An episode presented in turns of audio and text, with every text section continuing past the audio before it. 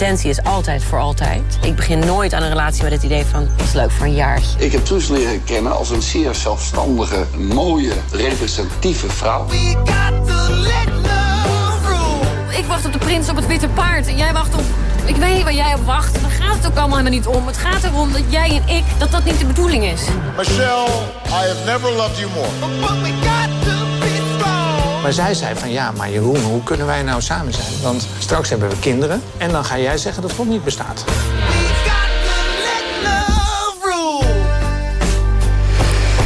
De komende weken hoor je mij iedere vrijdag tussen half 1 en 1... samen met Volkskrant-journaliste Corine Kolen... in de nieuwe rubriek Op de Liefde. Corine, goedemiddag. Goedemiddag. Corine schrijft al meer dan 15 jaar over de liefde... heeft meer dan duizend interviews over dit onderwerp gedaan. En haar rubriek Lust en Liefde in Volkskrant Magazine... wordt iedere week verslonden, onder andere door mij. En naar aanleiding van jouw boek uh, dit jaar verschenen, Corine... Zeven Wetten van de Liefde... Pro proberen wij de aankomende weken met bijzondere gasten... achter de essentie van de liefde te komen. Ja, we leggen de lat niet laag, moet ik zeggen. En vandaag trappen we af met niemand minder dan oud-PVDA-minister... en grandam van de vrouwenbeweging, Hedy Dancona. Um, Hedy, zullen we elkaar tutoyeren, foefailleren? Ja, graag, ja. Tutoyeren? Ja. Goed, goed. Mooi dat je er bent. Hedy Dancona. We hebben het over de grote liefde. Nou is jouw grote liefde Aad Veldhoen, de kunstenaar. Ik geloof dat jullie al ongeveer 21 jaar samen zijn. En grote liefde is wel een heel groot woord. Hoe, hoe, hoe leg jij het uit, grote liefde, ware liefde?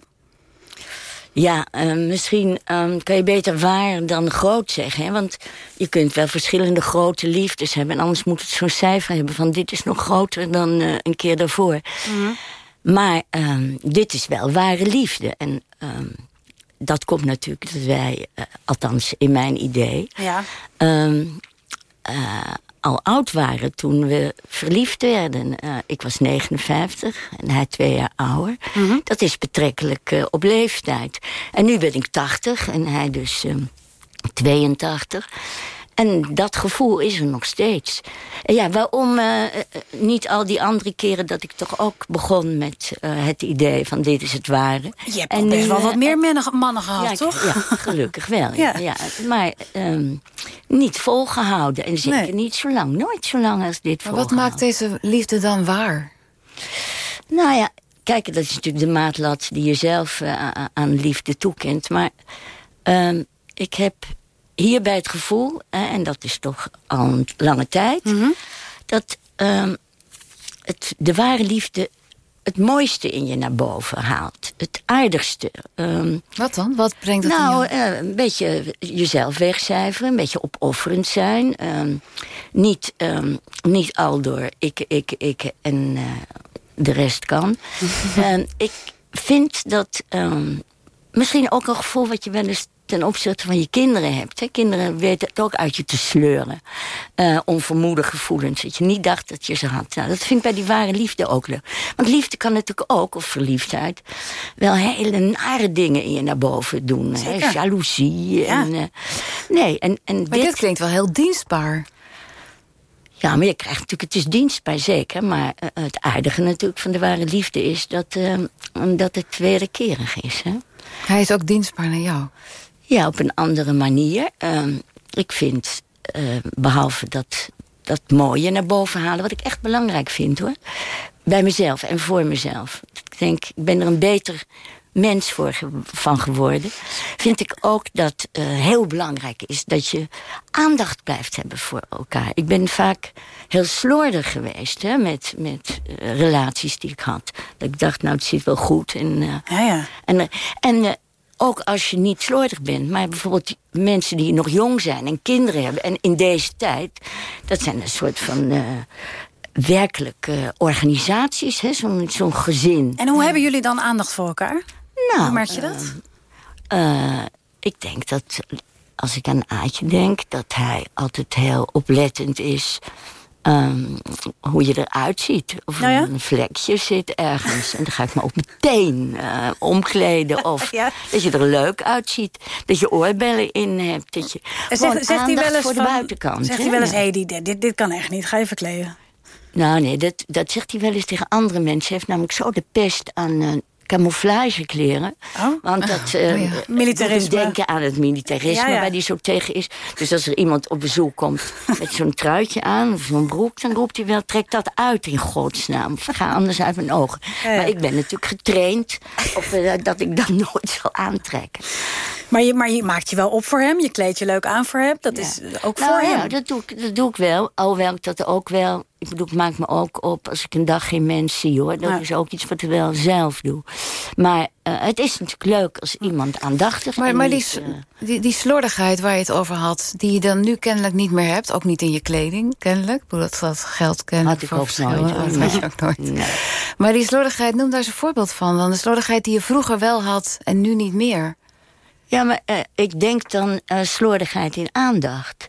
Hè? Dat je niet echt de tijd neemt om eens te luisteren wat de andere bezielt. Eh, omdat je daar geen tijd voor hebt. Of vrijmaakt natuurlijk. Ehm, omdat je zo druk bent met datgene wat je zelf moet doen... of denkt te moeten doen... dat je het maar een beetje erop aan laat komen. En Dus het is ook fijn om juist op oudere leeftijd iemand tegen te komen... en dat maakt het ook makkelijker, denk je, of een niet? stuk makkelijker, ja. Kijk, tuurlijk, dan heb je meer tijd hè, om, om die aandacht te geven. Dat is waar, maar dat moet je, je moet er toch aan blijven denken. En vind je het ook En- echt en- interessant wat, wat A te vertellen heeft? Eh, ja, want het Nog gaat steeds? gelukkig niet altijd over mij. Ik vind het altijd interessant. nou ja, dat is ook een soort aandacht. Dat je naar elkaars ehm, opvattingen luistert. Als Mhm. je iets ziet op het nieuws of als je iets leest in de krant. eh, dan, hè, of als je over straat loopt en je ziet een gebouwen. Het kan over alles gaan. En hij roept dat hij dat monsterlijk vindt. En ik toevallig erg goed. Nou ja, we hebben erg vaak gesprekken over dat soort dingen. Of over hoe erg het is op de wereld. eh, hoe eng het is om dood te gaan. Maar dat klinkt allemaal heel erg ideaal.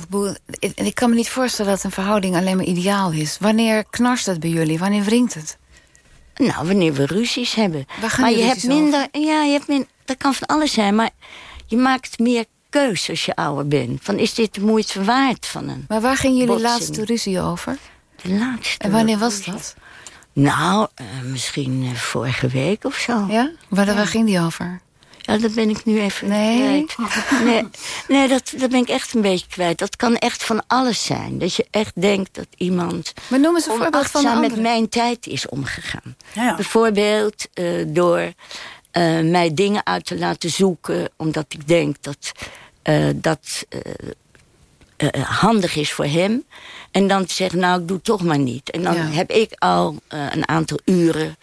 Nou, dat kan dan is dat ik dan woedend word...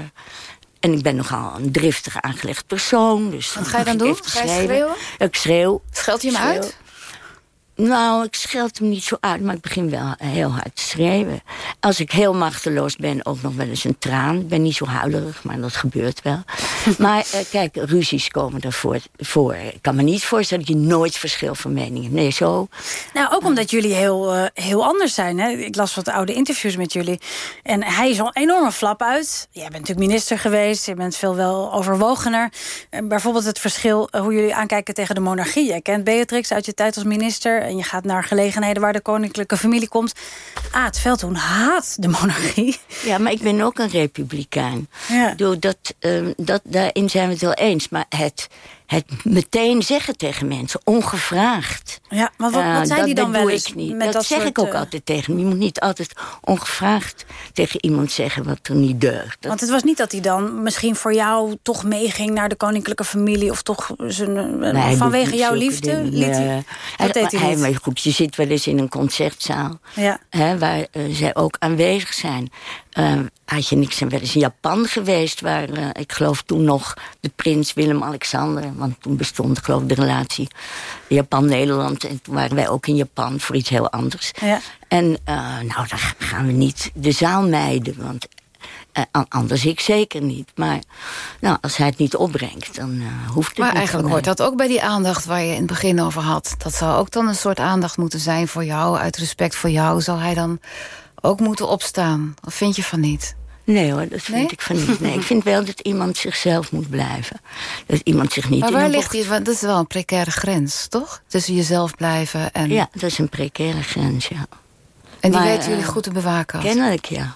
Ja. Mag, eh, als het over aandacht gaat, dan gaat het natuurlijk ook over seks. En daar heb je nu natuurlijk ook veel meer tijd voor. Neem ik Ja. aan, als je ouder wordt.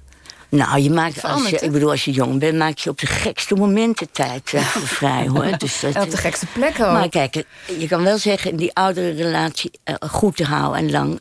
is natuurlijk ook omdat eh, er op straat niet meer tegen een 80-jarige dame... zo vaak wordt geroepen, eigenlijk nooit... waar gaan die kittige beentjes naartoe? dus dat scheelt wel een stuk, om maar even de verleidingen in de...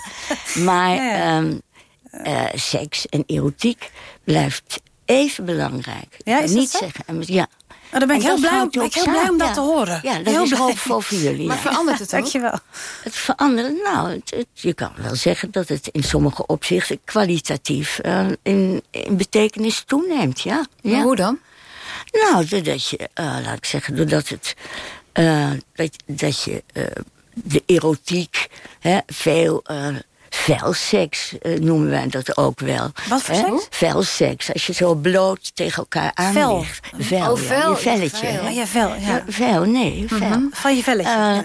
Maar eh, tot en met, eh, laat ik zeggen, de, het, het naar bed gaan, het vrije, ja, dat, dat is, eh, is ook wel. Er wordt minder over gesproken. En voor mij hoeft er ook niet altijd over gepraat te worden. Maar ik, vind, ik wil wel de hoop erin houden. Dat als je de lust, je lust blijft. En je vindt de ander prettig, aangenaam. Hè, en dat hoort wel bij dat hele gevoel. Is het toch een, voor mij een onlosmakelijk deel van de hele relatie. Anders kan je het goed met je broer gaan samenwonen. Ja, dat is- ja, ik bedoel, hè, dat, met wie je het goed kan Wat, vinden. wat doet seks voor een verhouding, vind jij? Wat, wat doet seks met een, met een relatie? Wat Nou. voor rol heeft het, speelt het? In de ons, je, kan het, je moet het wel. Ja, want tuurlijk, ik ken nog hele goede relaties die, eh, die dat misschien daarvan afgezien hebben. Hoor. Dat wil ik geen waardeoordeel. Maar bij mij eh, is het wel een, iets waarvoor... eh, ja, dat toch een heleboel dingetjes die er rafeligheden die er in een verhouding zitten. Je kan niet alles aan de orde stellen. Het is En noem geen eens een voorbeeld algemene van zo'n rafeltje wat dan... Nou ja, dat je toch niet echt uit een, eh, uit een, een- een meningsverschil gekomen bent. Omdat het blijft schuren. Er zijn dingen die blijven schuren. En dan vind ik toch seks en erotiek eigenlijk middelen die alles verzachten en doen vergeten. Dan begin je weer bij nul eigenlijk. Ja, vind ik, eh, ja. Nou, iedere keer bij nul zou vermoeiend zijn. Maar ehm, ik, ik, ik denk wel dat het veel eh, verzacht, ja. Mooi. Ja, ik vind, dit vind ik ook mooi en hoopvol. Ik, ik schrijf mee, hè, mevrouw Dancona. Ja, dat is allemaal, heel- allemaal, goede tips. Ik zou je, zou je eraan houden. Maar ik maak het niet meer mee. Ik weet niet hoe oud je bent. Maar ik vind iedereen natuurlijk een kind eh, op mijn leeftijd. Ik ben ongeveer de helft. Oh ja, nee, dan net- zal ik het... Net iets eh, ouder. maar- Zal ik het niet meer meemaken, hoop ik Hedy althans. Dancona, ehm, ik ga je heel hartelijk bedanken... want we gaan doorpraten met twee andere mensen hier aan tafel. Fantastisch dat je wilde vertellen over jouw grote liefde... kunstenaar Aad Veldhoen. Dank je wel. Op de liefde.